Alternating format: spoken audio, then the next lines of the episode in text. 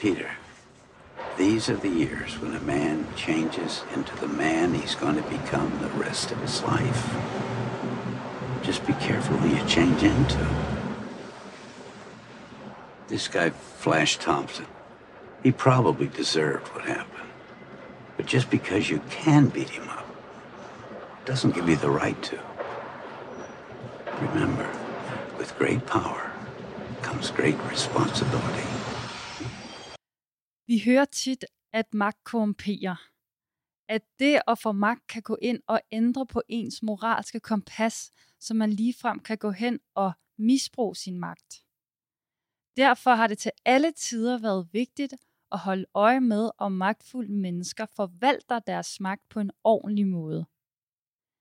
Men hvordan føles det egentlig at have magt? Og hvilke psykologiske konsekvenser har det, når mennesker får magt? Hvis vi ønsker, at unge skal have mere magt i samfundet, hvilket vi jo gør i det her program, så må vi jo sikre, at fremtidens unge ledere er klædt rigtig godt på, så de ikke også bliver korrumperet, for ellers er vi jo lige vidt. Men måske mindst lige så relevant er det at undersøge, hvad der skal til for, at dem, der har magten nu, er villige til at afgive noget af deres magt til unge. For hvis vi bare venter til, at dem, der har magten nu, dør, så er dem, der er unge i dag, jo ikke længere unge. Og så er vi jo igen lige vidt. I dagens program sætter vi fokus på de psykologiske aspekter af magt, og hvad der sker, når magtfulde mennesker vælger at afgive noget af deres magt. Vi skal både høre fra en psykolog, som ved noget om magtens påvirkning af hjernen og vores adfærd, men så får vi også en helt særlig gæst i studiet, nemlig min egen far, der har haft magt i mange, mange år.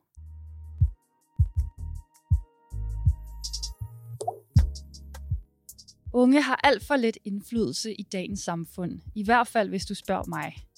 Mit navn er Esther Keldal, og jeg er sammen med Ungdomsbyrået på en mission.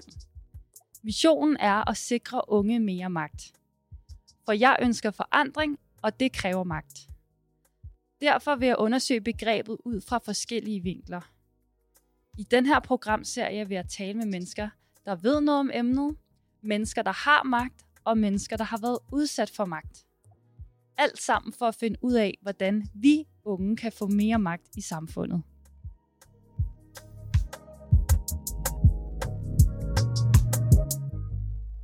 Hej Esther. Hej Gunvar. Så fik jeg endelig lov til at starte med min Spider-Man.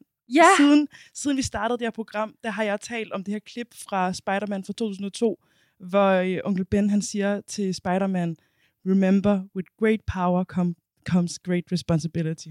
Og det passer jo perfekt til det her afsnit. Det gør det virkelig. Jeg er, er meget spændt på, at vi i dag har besøg af din far. Hvad, hvilke tanker gør du der om det? Uh, jeg gør mig rigtig mange tanker om det. Øhm, altså, ja, i det allerførste afsnit, øh, hvor vi jo havde Christoph Ellerskov inde, der fortalte om den danske magtelite, der øhm, havde jeg egentlig tænkt mig, at jeg ville adressere, at min egen far også, i hvert fald på et tidspunkt, var en del af den her magtelite-kategori, de havde øh, mappet i deres første bog. Så vidt vi kunne komme frem til vores research, så er han vist råd af magteliten. Øhm, men noget af det, de jo kom frem til i deres øh, forskning af, hvem er det, der kommer ind i den magtelite, er, hvor, hvor meget det betyder med de her familiære øh, bånd, at hvis du selv er barn af en fra nogle af de her mere magtfulde ligesom, øh, segmenter, så har du også selv en meget større chance for at blive en del af det. Og jeg har sådan tit tænkt, at det måske egentlig var lidt øh, problematisk, at jeg egentlig ikke adresserede at min egen far også var en, en magtfuld person. Øh, fordi at når man jo ikke sådan, ja, hvis man går lidt stille med dørene og lader som om man altid bare er de underdog, der står helt uden for at kritisere magten, så er man jo også på en, måde, en eller anden måde lidt med til sådan at, kan man sige, reproducere de strukturer, hvor man lidt går stille om dørene med det, hvis du forstår. Mm. Ja, jeg kan godt huske, at det var, vi skulle egentlig have haft øh, Anton, en af de andre forfattere til bogen inden, og jeg havde forinterviewet med ham, hvor han havde sådan spurgt ind til, er det okay, at jeg lige prikker lidt til Esther og driller hende med, at, at hendes far jo egentlig er ret magtfuld. Men øh, det endte så med, at Anton blev syg og øh, ikke kom med, og så havde vi Christoph i stedet for, som ikke havde den agenda. Så øh, det er rigtig godt, at det her det, det bliver bragt på banen, tænker jeg. Og det er nogle, nogle gode overvejelser, du har omkring det. Helt klart, og så, øh, ja, det som vi jo, altså som jo er formålet med at invitere min far ind i studiet i dag, er jo simpelthen bare at bruge den asset, og simpelthen gå ind i og, og være nysgerrig på, hvad det vil sige at have magt, og øh, simpelthen prøve at åbne op for den øh, samtale, så øh, ja, jeg glæder mig rigtig meget til det. Det er jo også meget, øh, ja, det er jo meget særligt at interviewe sin egen far. Ja, jeg er også øh, spændt på at stå her imellem jer i den her situation. Er der noget, øh, jeg skal vide på forhånd? Det ved jeg sgu ikke lige. Nej, vi må tage det, som det kommer. Jeg glæder ja, mig du til. må i hvert fald øh, du må træde, træde ind, hvis du, hvis du... Ja, det ved jeg ikke. Du, vi, vi tager det, som det kommer. Helt sikkert. Ja, og øh, min gæst i dag er jo som sagt øh, min far, Rasmus Keldahl, og du er jo direktør for Børns Vilkår, og førhen har du været direktør for Forbrugerrådet, og så øh, har du også øh, arbejdet i EU-kommissionen øh, øh, tilbage i 90'erne øh, i Bruxelles. Så øh, velkommen til dig. Tak, tusind tak. Øhm, allerførst, øh, inden vi går i gang med det egentlige interview, så skal vi lige have en øh, magtstatus øh, fra dig. Så allerførst vil jeg spørge, hvad er magt for dig? Jamen altså, magt for mig er jo evnen til at flytte noget, altså til at skabe forandring. Og øh, det kan der være forskellige måder, man gør til, når, når jeg, jeg kan mærke, at når du siger det her med, at, at, at jeg er en magtfuld person, så tænker jeg, at ah, det passer ikke. Øh, men, men jeg tror, at den, det jeg har lavet i, i Forbrugerrådet og nu i, i Børns Vilkår, øh, der har man jo ikke nogen egentlig magt, men man har måske en overbevisningsmagt. Man har det, at man kan argumentere, man får lov at være nogle steder, hvor man kan komme med gode argumenter. Øh, så, så, så hvis jeg kan komme med gode argumenter, jamen så ændrer øh, og, eller andre måske deres, øh, deres politik, øh, og så er der nogle børn, der får det bedre. Og jeg vil da sige, med, med det, jeg laver nu i børns vilkår, altså, så vil jeg da gerne have alt den magt, jeg overhovedet kan få, fordi det er jo den måde, at øh, jeg kan gøre en, øh, en positiv forskel for flest mulige børn. Så når du siger, at du ikke har nogen egentlige magt, hvad mener du så, at den egentlige magt er? Er det den politiske magt til at ændre lovgivningen, eller... Ja, altså den egentlige magt er jo noget af det, der sker mellem mennesker, at øh, den ene øh, overbeviser den anden, eller får den anden til at, at, at, at flytte sig øh, på en eller anden måde. Og det, det er jo sådan et, en psykologisk mekanisme i, i virkeligheden. Men, men meget af det magt, jeg synes, man ser i samfundet, det er jo magt, man har til låns. Altså, mit job har jeg jo kun til låns. Hvis min bestyrelse øh, synes, jeg gør det dårligt, jamen så kan jeg være ude på 10 minutter. Og så har jeg i hvert fald ikke den form for indflydelse øh, længere. Så kan det være, at der er nogle andre, der overvejer, om de har lyst til at give mig et lignende job, men hvis der ikke er det, jamen så øh, er jeg jo bare øh, øh, som, som, som alle andre, eller, eller som, som, folk, som folk er flest. Så det er jo også noget med, at nogen der gerne vil låne mig øh, nøglerne til et hus, hvor man kan foretage sig et eller andet, men, men den dag, de ikke er tilfreds med det, øh, og, og det er jo det, der begrænser min magt i virkeligheden, det er, jeg kan jo ikke bare skalte og vælte den, som det vil. Øh, der er en masse lovgivning, som øh, bestemmer, hvordan Øh, man kan være en arbejdsgiver, øh, for, for eksempel. Øh, det er jo også, øh, man kan sige, når man har været øh, leder i, i mange år, oplever man jo også, man kan jo ikke bare sige til folk, gør det. Det er jo sådan en meget naiv idé.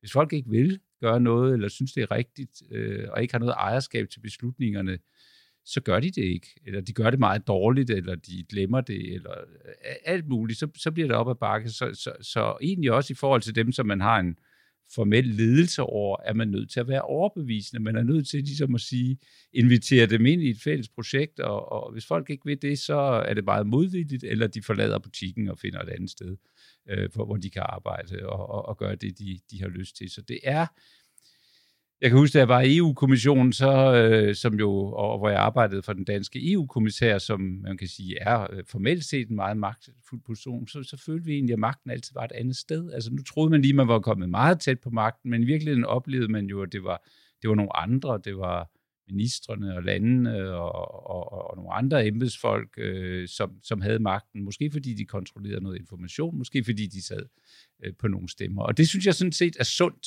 det der med, at magt det er noget, vi sådan deler og låner til hinanden og kan tage tilbage, hvis det ikke bliver forvaltet ordentligt. Den sådan rigtig gammeldags magt, det er jo noget, man ser i, i, i lande, som ikke rigtig har nogen stærk stat, hvor det er, altså kan man sige, øh, en, en, en slags mafia eller bander, som har, øh, som har væbnede styrker, som kan gå ud og tage det, de har lyst til.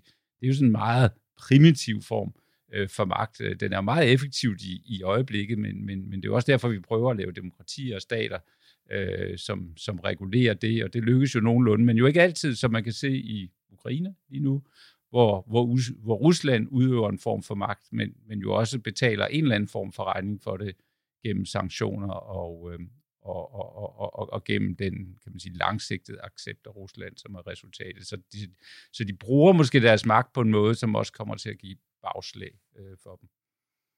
Jamen, øh, et meget øh, virkelig øh, rigt svar, må man sige, og virkelig mange refleksioner over det her magt, og at det måske nogle gange ikke føles sådan som egentlig magt, hvis man ved, at den kun er til låns. Det har jeg i hvert fald aldrig sådan rigtig tænkt over selv. Øhm, jeg synes egentlig, at du har svaret på de to andre spørgsmål omkring, hvornår du føler dig magtfuld, og hvornår du ikke føler, du har magt. Så jeg tænker bare, at øh, vi simpelthen øh, går videre til interviewet.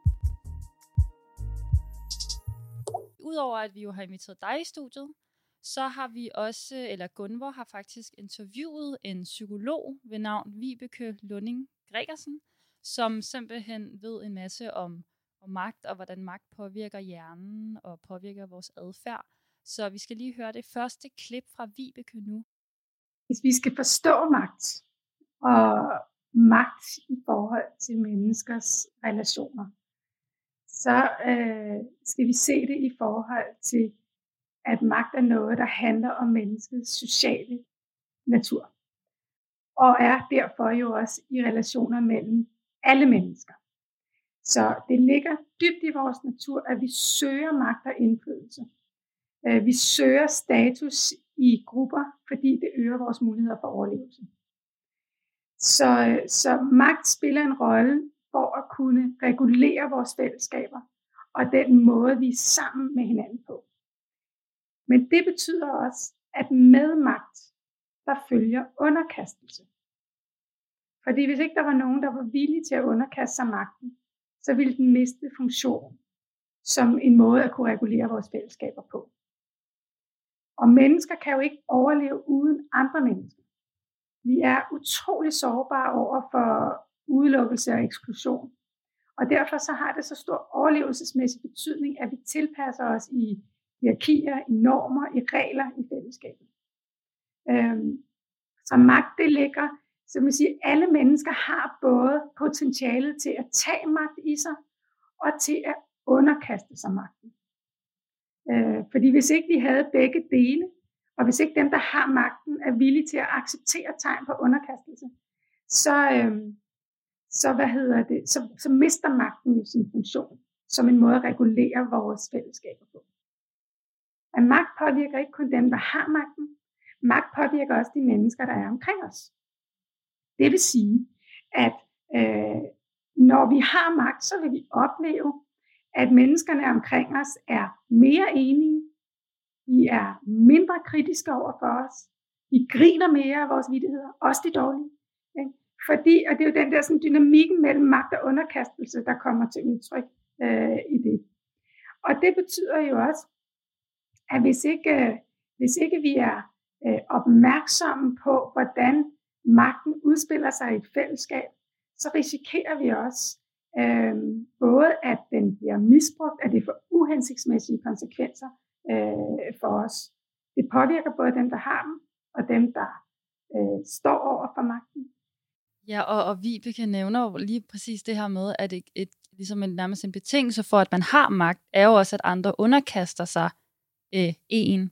Og det minder mig om noget, du sagde der lige før ved magtstatusen, at du oplever ikke, at du sådan kan sige, du skal gøre det, hvis folk ikke vil underkaste sig, er der bare ikke rigtig så meget magt at, at have med at gøre. Men jeg vil gerne spørge dig, hvornår, hvornår oplevede du egentlig første gang i dit liv, eller sådan, hvad er dine tidlige minder med at, at have magt? Jamen altså det, jeg lige kommer til at tænke på, øh, nu i hvert fald i mit, mit, mit, mit voksne liv, øh, jamen det var egentlig, da jeg kom til at sidde omkring øh, forhandlingsbordet øh, i, øh, i EU-kommissionen, og vi skulle forhandle noget øh, sådan ret teknisk øh, lovgivning, og, øh, og jeg havde sådan nogle ønsker med mig fra andre, øh, om hvad der skulle stå i den her lovgivning, og, og, vi, og vi sad der fra, fra alle EU-landene, øh, egentlig til langt ud på natten, og, øh, og, og, og der oplevede jeg jo, at at det stykke tekst, vi sad og talte om, jamen der kunne jeg faktisk gøre en forskel. Jeg kunne ved at tænke mig om, med hvornår jeg sagde hvad, og øh, snakke med nogle folk i pausen, og, og, og hvad der ellers var, jamen så kunne jeg ændre den her tekst. Så der kom til at stå, det var så noget med miljø, øh, der kom til at stå meget mere om miljø i den her tekst, som jo handlede om, øh, om, om landbrug. Og så tænker jeg, at det var da egentlig øh, jo næsten berusende oplevelse, at jeg, som var øh, sådan en ret ung mand øh, dengang, kunne gå ind og ændre noget tekst, som, som i årene efter ville få betydning for, for landmænd øh, i, i, i hele Europa. Øh, og, og, og det skal lidt med i historien, at, at den tekst, den, øh, den kom jeg så selv senere, da jeg kom til Danmark igen til at arbejde med. Øh, der var den jo faktisk blevet ændret en del, fordi der også var andre, der havde været inde og pille øh, i den og, og, og træffe nye beslutninger i mellemtiden. Og, øh, og jeg opdagede, hvor nogle af de ting, jeg selv havde været med til at, at, at få ind, hvor, hvor forandret de var blevet undervejs, og hvor, hvor vanskeligt det i virkeligheden var at, at arbejde med øh, i, i, i praksis. Og, og, og der kan man sige, det er jo sådan, sådan du fik mig også til at tænke på, at, at der sidder sådan nogle unge øh, mænd og kvinder der, og udøver en form for magt, men, men kæmper om noget, de egentlig ikke rigtig ved. Hvad betyder det så, når det kommer ud og lever i, øh, i, i praksis, når det er kommet igennem rækker og embedsmænd og skulle sættes ind i cirkulære og sådan noget. Hvad kommer det så egentlig i praksis til at betyde? Bliver det faktisk den fordel, man troede, det skulle være, eller kan det nogle gange blive sådan nogle lidt absurde regler, som, som, som nogle gange der kan virke mod sit eget øh, øh formål? Øh, det, det, det gav mig i hvert fald den, øh, den refleksion. Men, men, men for at svare på de første spørgsmål, det der med at kunne mærke, at i noget lovgivning, som skulle gælde for så mange mennesker, at der kunne man faktisk komme ind og ændre ordene. Og, og det leder mig egentlig hen til sådan den, den næste spørgsmål, som er, om du kan uddybe, hvorfor det er, du har søgt at have de her øh, magtfulde stillinger, altså, eller sådan, ja, prøve at søge at påvirke ting. Hvorfor er det, du har, har, har søgt det? Ja, det, det er nok også et godt spørgsmål. Altså, jeg tror, jeg har øh, sådan i min, min opvækst og sådan noget, har jeg sådan tit været på nogle naturlige lederpositioner, lige fra at være, kan man sige, patruljeleder, da jeg var øh, øh, spejder og være leder for ja, andre spejdergrupper, øh, senere hen måske øh, taget mange initiativer øh, i mit liv, som har gjort det. Det vil folk gerne være med til, og, og mange synes jo, det er dejligt, at nogle andre, der tager initiativer, og så får den, der tager initiativet, lov til at arbejde øh, lidt, lidt ekstra. Øh, og jeg tror grundlæggende, jeg er drevet af, af, af ønsket om, at, øh, at ting skal ændre sig. Altså det her med at efterlade verden øh, bedre, øh, end, end, end den var. Øh, det kan være arbejdet for forbrugerforhold, og, og det er jo noget med økonomi og sikkerhed at gøre, men også øh, miljø og, og for den sags skyld øh, klima. Øh, det her med, at man går ind i verden med en forandringsdagsorden, det, det, det gør det nemmere, hvis man sidder på nogle særlige poster, hvor man får en lidt større redskabskasse, lidt større slagstyrke, nogle flere medarbejdere, eller frivillige, eller venner for den sags skyld, som, som kan gå ud og, og, og forandre øh, verden. Øh, jeg er nok ikke en, nu står vi jo og taler om magt, så er jeg jo nødt til at bruge udtrykket, men, men jeg er jo ikke sådan en, der rigtig kan, øh, det ved jeg også mange af dem, du sikkert selv har talt med, kan lide at bruge ordet, jeg har magt.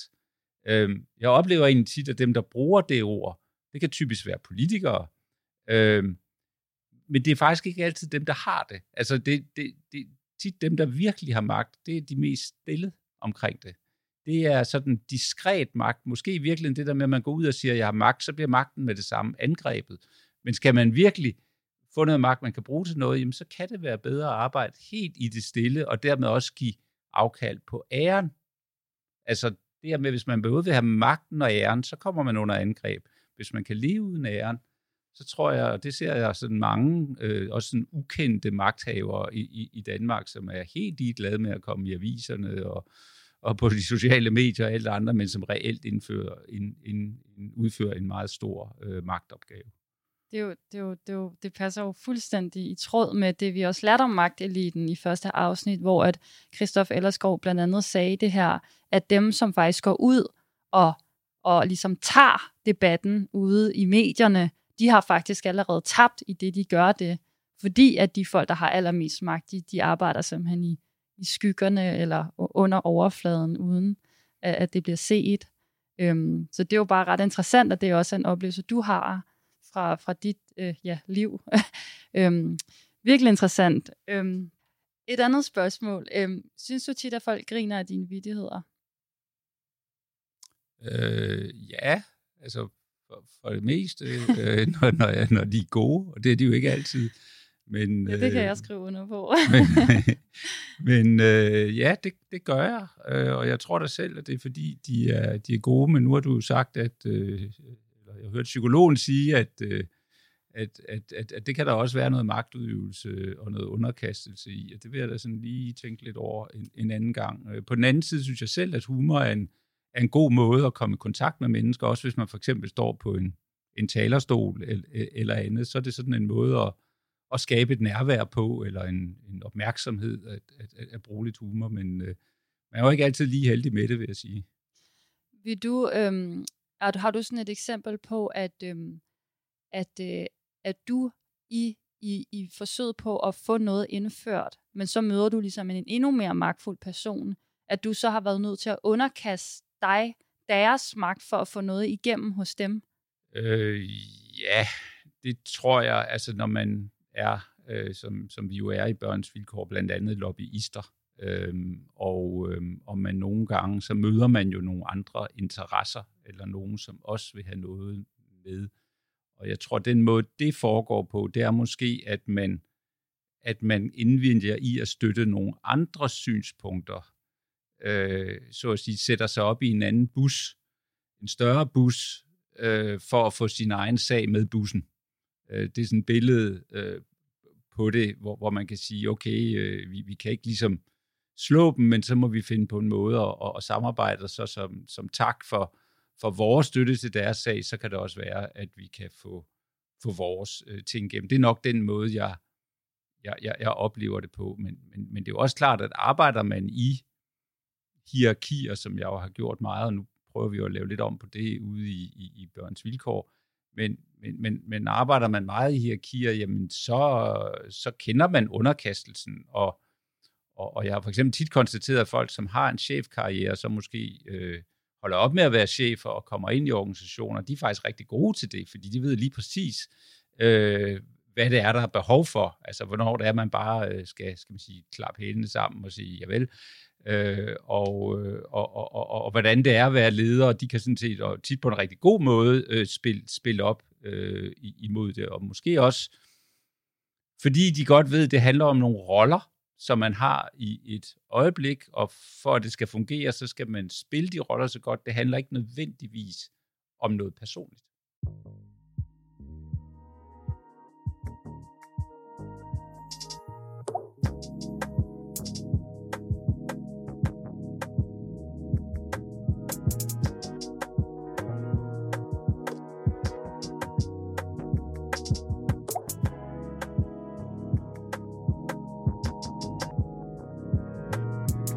Ja, så nu har vi lige haft en, øh, en lille samtale om, hvad, hvad magt er, og for dig, og hvilke former for magt, og forholdet mellem magt og underkastelse. Øhm, meget spændende. Men øh, nu øh, er vi kommet til den del af interviewet, der skal handle om, hvordan magt påvirker mennesker øh, psykologisk. Så øh, ja, Gunvor, du har jo haft et, et interview med Vibeke Lunding Gregersen, så lad os høre, hvad hun har at sige om magtens øh, psykologiske og simpelthen hjernemæssige øh, påvirkning? Noget af det, vi ved om, hvordan magt påvirker mennesker, det ved vi fra forskningen. Og forskningen viser meget klart faktisk, at magt og status påvirker vores adfærd på en lang række områder.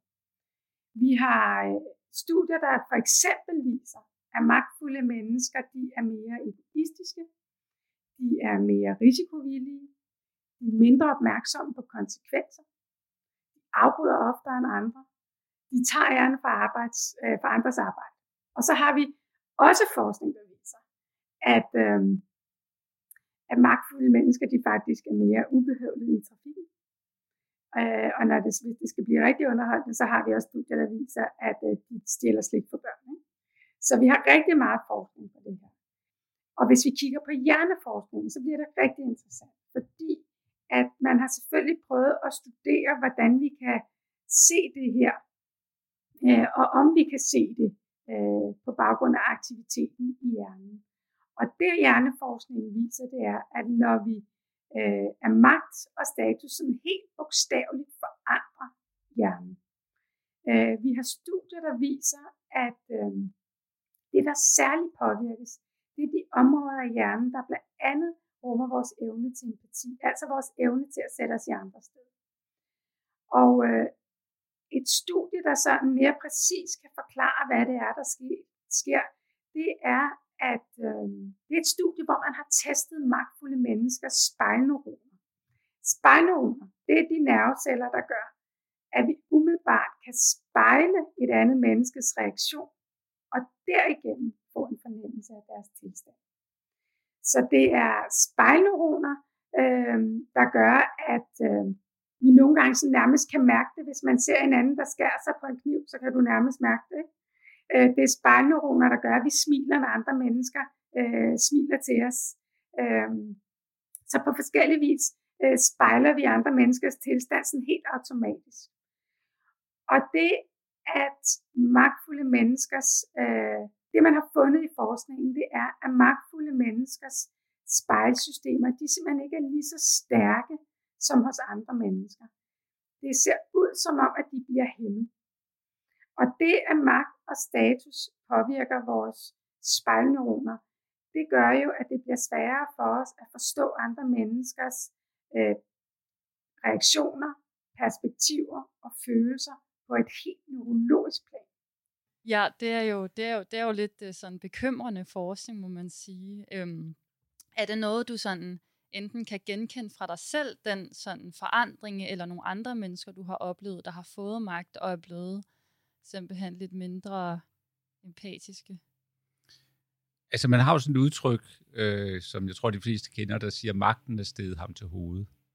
Øh, og det sammenfatter vel egentlig meget godt det, som, øh, som psykologen siger med, at man ikke længere øh, kan administrere øh, sin magt, og dermed øh, gør ting, som er uhensigtsmæssige. Og, og det kan være, at man, man træder på andre mennesker, fordi man har slået sin øh, empati fra. Øh, det kan også være, at man træffer beslutninger, som ikke er fornuftige og ubalancerede, fordi man måske tænker, at man skal have opfyldt nogle, nogle kortsigtede behov. Øh, når man siger, at jeg har arbejdet med, med organisationer, jamen så er det noget, man skal være opmærksom på, at, øh, at især vil jeg sige, lidt umodne ledere øh, kan gå hen ligesom at have svært ved at balancere magten, og det tror jeg måske egentlig også jeg selv havde øh, de første år, hvor jeg havde fået, øh, øh kan man sige, direktørjobbet, øh, var jeg måske ikke opmærksom på, øh, at hvis jeg kom med en morsom bemærkning øh, over for en medarbejder, jamen så ramte det egentlig meget hårdt øh, i forhold til, øh, at jeg måske øh, øh, bare et par måneder tidligere havde været vedkommendes kollega, og dermed øh, var vi meget mere jævnbyrdige, og så betød tingene øh, noget andet. Og det tror jeg, mange øh, ledere skal lære. Øh, nogle er gode til at lære det, nogle udvikler sig. Det, det er jo sådan, man taler tit om sådan en udviklingsrejse, når man, når man er leder. Øh, men der er også mange, og det har jeg også læst noget forskning, som, som egentlig ikke rigtig udvikler sig så meget, altså som bliver på sådan et, et tidligt eller mellemstadie som leder, og som ikke kommer ind i, i den fase, som måske er den allermest spændende som leder, hvor man ligesom egentlig er over hos dem, man leder i stedet for. Altså i virkeligheden har meget mere empati og meget mere forståelse øh, for dem, fordi man har noget erfaring, man kan bringe i spil øh, til, øh, til, til, til empatien. Men, og, og det er klart, når man kigger ud øh, ja, på politikere og, og sådan, øh, direktører, og, og, og, og nu var der for nylig en sag med en, der havde to koner og så videre. Jamen det er jo også sådan nogle måder, hvor man tænker, fordi jeg har magt, så kan jeg tillade mig ting, som man faktisk ikke kan tillade sig. Øh, og nogen bliver så opdaget og, og, og bragt til fald, øh, og andre gør formentlig. Det er jo faktisk interessant, der øh, i Zetland er der også en artikel, der hedder Magt ændrer din hjerne, som er skrevet af Torben Sangild, tror jeg nok, øhm, hvor, som jeg også lige lyttede på deres, man kan jo lytte til deres artikler, hvor han netop nævner det her med, at man også har vist i forskning, at der er mange, altså magtfulde, at nogle magtfulde mennesker simpelthen ender med at føle, at de er moralsk undtaget fra alle andre menneskers, øh, ja, Mm. Så det minder mig bare rigtig meget om det, du siger. Øhm, en, en ting, som hende her, Vibeke Lunding Gregersen, faktisk også øh, nævner, som vi ikke lige havde med på det her klip, det er, at det faktisk kan være i nyerne en sådan evolutionært set en fordel, at man er lidt mindre empatisk, når man har magten. Øh, hun nævner et eksempel med, at hvis du ligesom skal lede en flok, så er det nogle gange vigtigere, at du ved, hvad der er det bedste for flokken, og ikke ligesom er det bedste for de enkelte medlemmer af flokken. Er det noget, du sådan kan, kan genkende, at det også kan have en fordel i nyerne og, og slå empatien fra øh, som leder? Øh, ja, og det, det vil sige, det, det er tit, og, og, og måske nærmest i virkeligheden lidt en del af, af, af, dagligdagen, at man skal i hvert fald, øh, jeg tror, man skal have øh, empatien, og man skal give sin empati plads, og man skal sådan set ikke prøve at undertrykke den, men bagefter, øh, så skal man også bruge hjernen. Altså det må ikke være empatien, som er den eneste ledesnor for, for beslutninger. Øh, og, en, og en klassisk situation kan jo være en medarbejder, som som har det svært og ikke fungerer godt i gruppen, og, og hvor man kan sige, at organisationens interesse er desværre, man må sige farvel, eller skal sige farvel til vedkommende. Men fordi ens sympati øh, er så meget over hos personen, jamen, så får man ikke øh, handlet på det, og, og resten af organisationen kommer til at, at, at, at lide ved det. Og, og, og der kan man sige, det der kortsigtede, empatiske behov for at være flink og sød og, og ingen konflikt, det tror jeg, leder mange gange er nødt til at sætte i et længere perspektiv og sige, hvad er det, gruppen har brug for. Og man må jo også sige, og undskyld mig, jeg genrefererer til krig, øh, jamen hvis man er en, en, en leder af en soldatergruppe, som skal gå til angreb, og man ved, at øh, mange af de unge øh, mænd og måske kvinder, man har med sig, vil blive dræbt eller såret eller få ødelagt deres liv, jamen den empati, som man måtte have der, den må man jo slå fuldstændig fra i forhold til øh, det mål, man har. Ellers så kommer man jo aldrig øh, ud på slagmarken. Nej, og der kan man jo så forestille sig, at dem, der så kommer hjem fra krig, som jo så viser sig at have alle mulige ja, sådan posttraumatisk stress, og sådan, at det virkelig kan faktisk ødelægge en og slå sin empati så meget fra. Det kunne jeg i hvert fald aldrig nogensinde tænke mig at være i den situation. Øhm, lad os høre øh, endnu et klip med Vibeke Lønning Gregersen, som handler om magtens paradoks. Så magtens paradoks handler om, at vi får magt af andre, fordi de tror, vi vil det bedste for fællesskabet.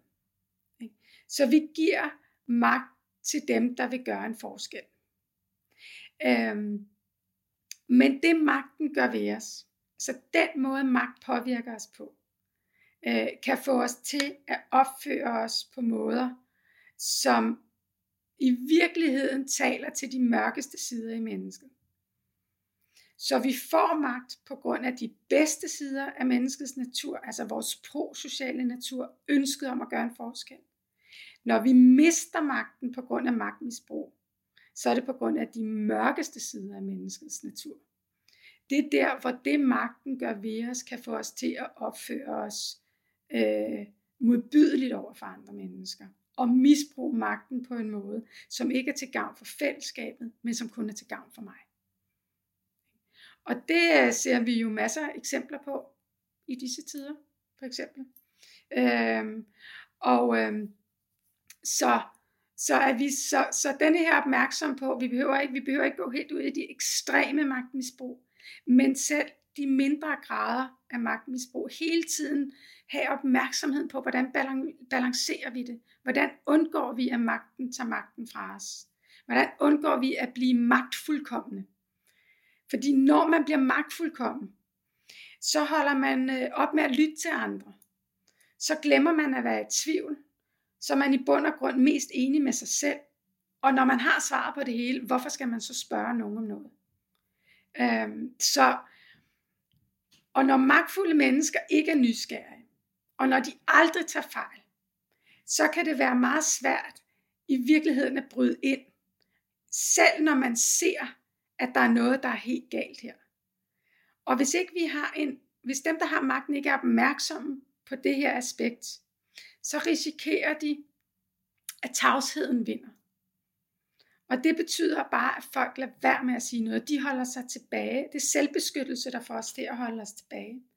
Øhm, og så kan vi faktisk risikere, at vi, altså dem, der har magten, kan risikere, at de går glip af vigtig viden, vigtige informationer, som kan få store konsekvenser for de beslutninger, de træffer. Også etiske konsekvenser. Ikke? Øhm, så, så når tavsheden vinder, så er de magtfulde de sidste, der får besked, når noget er ved at gå galt. Har, har du nogensinde oplevet sådan, hvor du kunne mærke, at du var på vej hen et sted, hvor magten var ved at, at tage magten fra dig, som, som Vibeke øh, ja, nævner det, og du kunne mærke, at der var et eller andet her, hvor du øh, tog dig selv i og have, ikke have været nysgerrig, og faktisk bare sådan have trumfet igennem med det, du mente var det rigtige?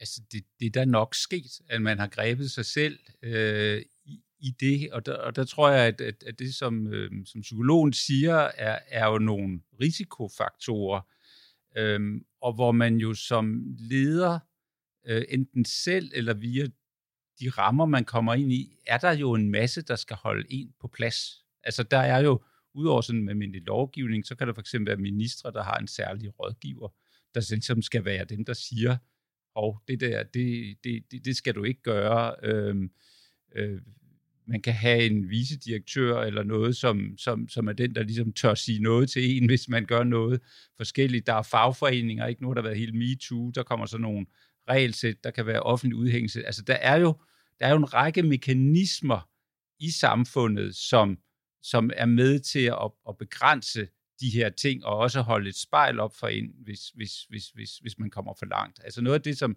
som jeg kommer til at tænke på, øh, er jo en af de her klassiske, altså som en, en, en ting, man skal holde sig for øje, er jo en af de her klassiske dyder, som hedder ydmyghed. Altså, at man skal hele tiden minde sig selv om at være ydmyg, minde sig selv om, at man er ikke noget i sig selv, man er kun noget i kraft af det fællesskab, man indgår i, og de mennesker, øh, der er omkring den. Og hvis man bare kan, altså det er i hvert fald en af mine egne sådan huskeregler, hvis man ligesom husker på den her ydmyghed over for alle de, der har øh, ydet en, en indsats, og dermed behøver man ikke at underkende sin egen indsats, men bare være ydmyghed om, at vi alle sammen er nogle små fnuk, som kun er noget i kraft af, af, af fællesskab. Og det, det spejl har været nyttigt for mig, og jeg tror måske også, det kunne være nyttigt for andre. Det er jo meget, altså det, det kunne vi virkelig godt bruge mere i samfundet, synes jeg, i folks, øhm, kan man sige, selvfortællinger, eller sådan skabelsesberetninger, eller hvad man kalder det. Altså det der med, der er mange, øh, også folk, der har fået rigtig stor succes med en virksomhed, der kan være lidt, sådan, lidt måske i fare for at give alt credit til sig selv, og alt det hårde arbejde, de har lagt i for at opnå deres succes, hvor der jo ofte har været sindssygt mange mennesker, der har støttet op om dem, og en kæreste, der har bakket dem op, og en masse ligesom usynligt arbejde, som ikke bliver taget med ind i den endelige sådan, ja, succesfortælling, øhm, hvilket jo bare er, ja, ærgerligt, og jeg lyder jo også til, at man faktisk kan holde sig mere grounded, hvis man bliver mere i det, det ydmyge øh, rum, eller det ydmyge sådan, felt. Ja, og så tror jeg faktisk også, at når man ser på dem, der er omkring en, det team, der er omkring dem, det at, at anerkende deres indsats, øh, er jo også vældig motiverende og med til, at de fortsat vil yde en, en god indsats, og synes, det er meningsfuldt, de er med. Jeg, tænker, jeg kommer til at tænke på sådan en klassisk måde at gøre det på, som er næsten på formel. Det er jo sådan Oscar-talen, når man har fået den her Oscar. Jamen så øh, alle de gode øh, talere, det er jo dem, som takker øh, alle de andre, øh, lige fra mor og far og så øh, til holdet øhm, og barndomsvennerne, øh, for at de er der, de er. Og det er jo ligesom stiliseret, og nogle gange kan man tvivle lidt på, hvor, hvor ærligt det er ment, men det er jo et meget godt udtryk for det, som, som, som bør, bør måske nok være et ideal, og ikke bare når man får et Oscar, men også i hverdagen.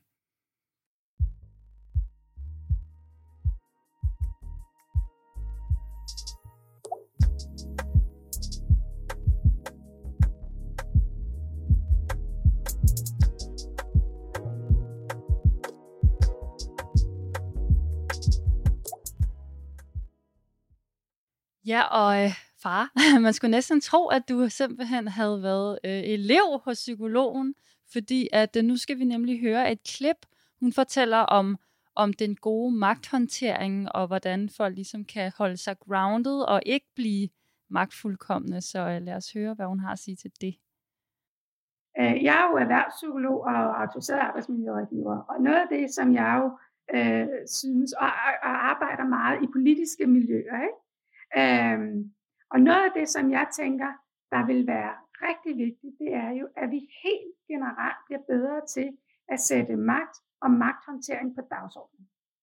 I ledelse generelt, øh, i særlige magtpositioner, altså øh, politikere kan jo være både folk, der sidder øh, og er valgt i øh, kommuner og øh, Folketinget, og, men også folk, der er valgt i Øh, fagbevægelsen, i bestyrelser, alle mulige steder, når folk er valgt af nogen til at varetage andres interesser. Ikke? Øhm, så at vi sætter magt og magthåndtering på dagsordenen som et tema i sig selv, i stedet for at det, vi primært er optaget af, det er, hvordan vi kan øh, få magt så meget som muligt, og bruge magten til at få mere af den. Men at vi også taler om håndteringen af magt.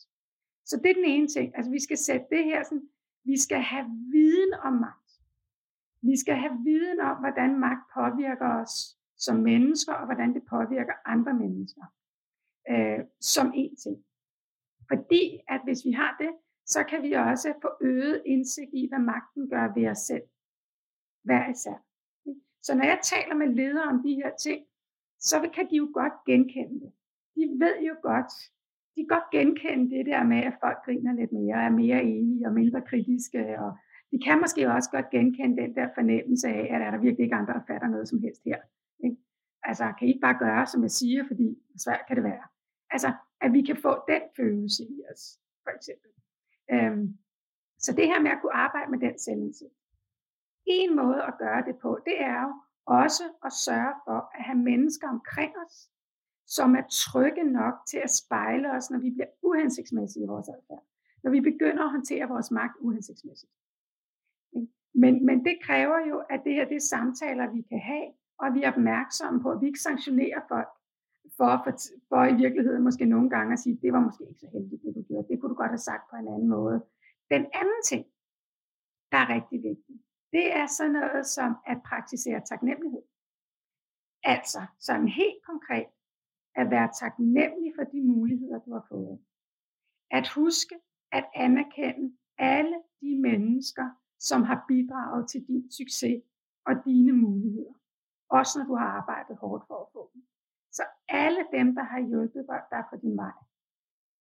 Ja, så det var jo, øh, det var jo meget i tråd med det, du nævnte, og simpelthen ja, anerkendt de folk, der har hjulpet en, og det måske også på lang sigt gør, at folk eller vil hjælpe en øh, senere hen og være med til sådan den, den organisation og køre den videre øh, et godt sted hen. Og nu vi er ved organisationen, så øh, kunne jeg godt tænke mig at høre øh, om, hvad det er, I har gang i ude i børns vilkår lige nu i forhold til at, at ændre organisationsstrukturen? For jeg kan jo huske, du har fortalt om, at, at I arbejder på at faktisk øh, ligesom øh, gå væk fra en hierarkisk organisationsstruktur. Og hvad går det ud på? Jamen, øh, efter mange år i sådan meget klassiske hierarkiske organisationer, øh, har jeg i hvert fald fået den oplevelse, at øh, de fungerer dårligere og dårligere. De er dårlige til at forandre sig, de er dårlige til en omverden, der forandrer sig, og man har en oplevelse af, at motivationen bliver, bliver lav, initiativet bliver lavere, kreativiteten bliver, bliver mindre, end det vi egentlig har, har brug for, det folk øh, øh, kan. Øhm, så er der nogen, der er kommet med nogle andre bud på sådan en meget mere netværksorienteret øh, organisation, hvor, hvor øh, medarbejdere er meget selvbestemmende. Og ikke sådan, at de er selvbestemmende, så længe chefen ønsker det, men at man simpelthen har fået tildelt et ansvarsområde, som man træffer 100% beslutninger på. Og det går jo ud fra, at folk er dygtige og ansvarlige og virkelig gerne øh, ved det godt. Øh, og det udgangspunkt øh, er jo også øh, det rigtige for langt, langt, langt, langt de fleste øh, mennesker. Og, og folk træffer jo øh, for det meste rigtig gode øh, beslutninger. Så det har ligesom været grundlaget for, at vi begyndte at indføre noget, der hedder sociokrati, øh, hvor man øh, har en række øh, cirkler, kalder vi det, men man kan også kalde det teams, som er selvbestemmende, som skal spørge andre til råds. Jeg kan også blive spurgt til råds, men som når de har indhentet rådene, jamen så beslutter de selv, øh, hvad vi skal investere i, hvad vi skal lancere, hvordan tingene skal kommunikeres, øh, som, som, øh, som, som tit er noget, der, der er vigtigt ude, ude for os. Og så, så, så, så vi er i gang med at, kan man sige, afgive den her bestemme magt øh, som chef, og det, det går ikke sådan øh, lynhurtigt, men, men det er en proces, der varer og kommer til at vare øh, nogle år. Så, så den, den, den magt, øh, jeg og, og mine øh, medchefer øh, afgiver, det er ligesom magten til at træffe beslutninger. Men det betyder jo ikke, at vi ikke har nogen indflydelse. Øh, fordi vi har jo stadig den indflydelse, som jeg synes er den fineste af alle, altså den indflydelse, der er at, at, at komme med det gode argument, øh, den indflydelse, der er at få de rigtige mennesker ind og arbejde i organisationen og understøtte folk, som øh, i, i deres liv, både på arbejde og nogle gange endda også øh, i, i, i balance med deres privatliv, så de kan yde det bedste. Har det på nogle sådan tidspunkter været sådan et kontroltag for dig at, at afgive nogle af de her bestemme, den her bestemme magt til, til andre lidt mere selvkørende enheder, når du har været vant til førhen, at folk altid sådan clearede det med dig, før en beslutning blev taget. Jeg tænker, det må være, et ret, det må være en ret stor forandring øh, som leder. Øh, ja, det har jeg oplevet, og jeg vidste øh, allerede, da vi gik i gang, at det ville blive en udfordring øh, for mig, fordi jeg nok har været sådan, øh, Øh, sjovt nok, når jeg vil sige, der var yngre, en lidt mere gammeldags øh, leder, som, som ligesom skulle se alle de breve, der gik ud af huset, og, og hvad der ellers øh, var. Men der bliver man jo også en flaskehals, kan man sige, når, når organisationen vokser, og man bare ikke kan nå at læse alle, alle de breve, der går, går ud af huset.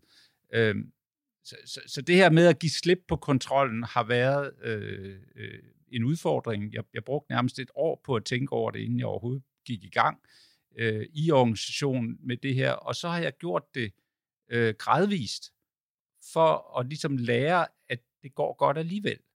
Og, og, og, det, det, det, og det er det gået. Øh, der er ikke opstået store øh, ulykker og katastrofer. Der er nærmest ingenting. Og der er rigtig mange af de beslutninger, som, som så er blevet truffet, som jeg synes er super gode. Også nogle, hvor jeg tænkte, det vil jeg nok ikke selv have besluttet, men jeg kan se, at det, den gruppe medarbejdere så besluttede, var meget bedre, end jeg nogensinde selv med min viden øh, kunne have besluttet. Så det giver mig en tryghed i, at vi gør det rigtige. Og, øh, og Børns Vilkår som organisation øh, kan opfylde sit formål og, og arbejde øh, bedre øh, ved den her nye organisationsform, som jeg virkelig vil opfordre også andre øh, til at tage brug. Hvad, hvad er navnet på den organisationsform? Ja, altså det, det hedder egentlig sociokrati, øh, som er jo øh, sammensætning af, at vi ligesom er sociale med hinanden, og krati, som er en, en styreform. Så det er en form for socialt orienteret øh, støtteform, øh, styreform. Der findes også øh, andre sådan, lignende styreformer, men det her synes vi passer rigtig godt øh, til os. Og, og, og, det, og det omfatter faktisk en række regler. En regler for, hvordan man holder møder, der sikrer, at alle kommer til ord. Øh, en regler, der sørger for, at man ikke ligesom hele tiden kæmper for små detaljer i beslutninger, men man egentlig bare siger, kan vi leve øh, med det? Øh, og, og også nogle regler for, hvordan man, man, man, man udvikler sig, og, og også at man rapporterer og kommunikerer til andre. Så, så det er ikke sådan, at man ligesom siger, nu har vi ikke hierarkiet med, og så render alle forvirret rundt. Nej, der er et andet sæt regler, som, som håndterer vores indbyrdes relationer, og, og det tror jeg er helt nødvendigt, for ellers har vi ikke en organisation længere. Og nu er vi ved at være nået til vejs ende i programmet, men det er jo et program med navn Ungdomsmagt. Øh, så øh, her til sidst vil jeg spørge dig, om du tror, det er en måde, hvorpå unge kan få mere ja, magt og indflydelse i samfundet, hvis vi får mange flere øh, institutioner, der er drevet øh, ud fra de her andre organisationsprincipper i forhold til, fordi jeg forestiller mig ligesom de gamle hierarkiske institutioner, det tager bare noget tid, før du kan, komme, kan arbejde op i hierarkiet, og så ender det jo med at være midaldrende mænd, når man lever i et patriarkat, som sidder deroppe øverst i hierarkiet. Så er det ligesom en nøgle til at, at, at, at få mere magt øh, fordelt øh, ud til unge i samfundet? Ja, det tror jeg. Jeg tror, at, øh, øh, at, at arbejdet på at få sociokrati flere steder, det vil give unge mere magt, fordi enhver, der kommer ind hos os, har sådan set magt over sit eget område fra, fra, fra, fra første dag. Og, og, og rigtig mange unge kender jo også det her fra deres, øh, hvis man har gået på universitetet for eksempel, den måde, man arbejder sammen om studieopgaver. Det er jo lidt det samme. Der er jo ikke nogen, der ligesom har magten i den studiegruppe. Man arbejder sammen med hver sin rolle, og det er egentlig også bare det, vi gør i øh, organisationen. Og så vil jeg så sige med, med selve det her med unge og magt, at øh, der er jo mange, øh, den grønne studenterbevægelse og andre ungdomsorganisationer, som jo har indflydelsesmagten. Altså, de er jo gode til at få magt, de formelle magthavere til at ændre spor. Den magt, den skal man altså ikke underkende, men tværtimod hele tiden øh, forfine, og det, det tror jeg også, at der er en del, der har, har fanget. Ja, og sjovt nok, så faktisk den grønne studenterbevægelse er jo organiseret i selvkørende arbejdsgrupper, som fuldstændig selv tager beslutning om de kampagner, man har lyst til at lave, og aktioner, om man skal printe plakater og sådan noget. Så der er faktisk nogle, øh, der, der er lidt, øh, ja, der, der er lidt der. Så øh, ja, men tak fordi du var med i programmet i dag og fortalt om, om din egen magt og refleksioner over, hvordan man, man håndterer sin magt godt, og også der til sidst med, at det også er muligt at afgive magt, øh, også når man er en, en midaldrende person, at man godt kan omstille sig til det. Det synes jeg, der er meget, sådan, det giver mig da lidt håb.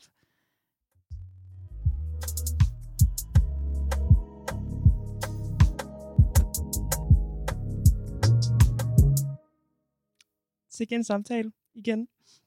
Jeg vil altså sige, at jeg har også fået lidt håb, fordi nu havde jeg en lidt længere samtale med Vibeke, Vibeke Lunding Gregersen i går, og jeg vil sige, nu håber jeg selvfølgelig, at Rasmus han gør de ting, han siger. Fordi hvis han gør det, så lever han op til rigtig mange af de ting, som øh, erhvervspsykologen Vibeke sagde.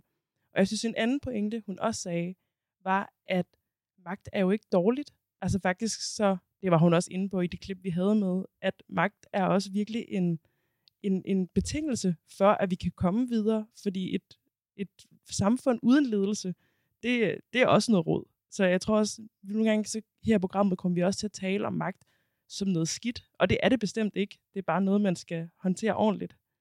Nej, og netop hvis vi siger, at magt er noget skidt, så vil vi jo på en eller anden måde også underminere vores egen præmis, som er at sikre unge mere magt. Men ja, som jeg jo også var inde på den der intro-speak, at det er jo bare vigtigt, at vi så netop prøver at få al den her nye viden om, hvordan man kan håndtere magt på en ordentlig måde, så også får den ind i de yngre generationer, de nye mennesker, og forhåbentlig også få flere organisationer til at droppe det her gamle hierarki. Og det er jo, det er jo virkelig noget, der, der kan ja, give håb for et, et, et bedre samfund, hvor der simpelthen bliver truffet nogle mere ansvarlige beslutninger.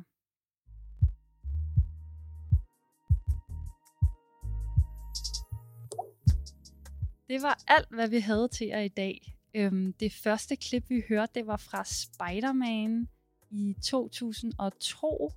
Øhm, så den kan I jo se, hvis I vil kende konteksten til klippet. Øh, men Ungdomsmagt er tilbage igen i næste uge, samme dag, samme tidspunkt. Vi sender jo alle tirsdage fra 10 til 11 om aftenen, men du kan selvfølgelig også finde vores afsnit som podcast.